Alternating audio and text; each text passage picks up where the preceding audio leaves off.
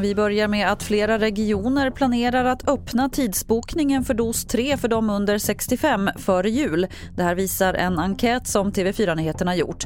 Några har redan gjort det här medan andra säger att man inte kommer hinna. Region Uppsala är en av dem som kommer att öppna och där är Anna Gillman biträdande smittskyddsläkare. Vi har vaccin och vi har vaccinationstider för att klara det. Det gäller ju att, att medborgarna går dit och blir vaccinerade. Det är det som är utmaningen. Från och med måndag behöver man ha munskydd ombord på SAS alla flygningar i Skandinavien.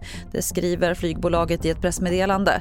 Kravet togs bort i oktober men återinförs nu igen som en försiktighetsåtgärd. När det gäller flygningar utanför Skandinavien så har munskydd varit obligatoriskt sedan maj 2020. Och till sist kan vi berätta att det är allt fler som utsätts för telefonbedrägerier där någon till exempel utger sig för att ringa från polisen, banken eller sjukvården. Enligt siffror från Stöldskyddsföreningen så har den typen av bedrägerier ökat med 54% i år. Vanligast är att man blir lurad på telefon men det händer även via mejl och sms. Fler nyheter hittar du på tv4.se. Jag heter Lotta Wall.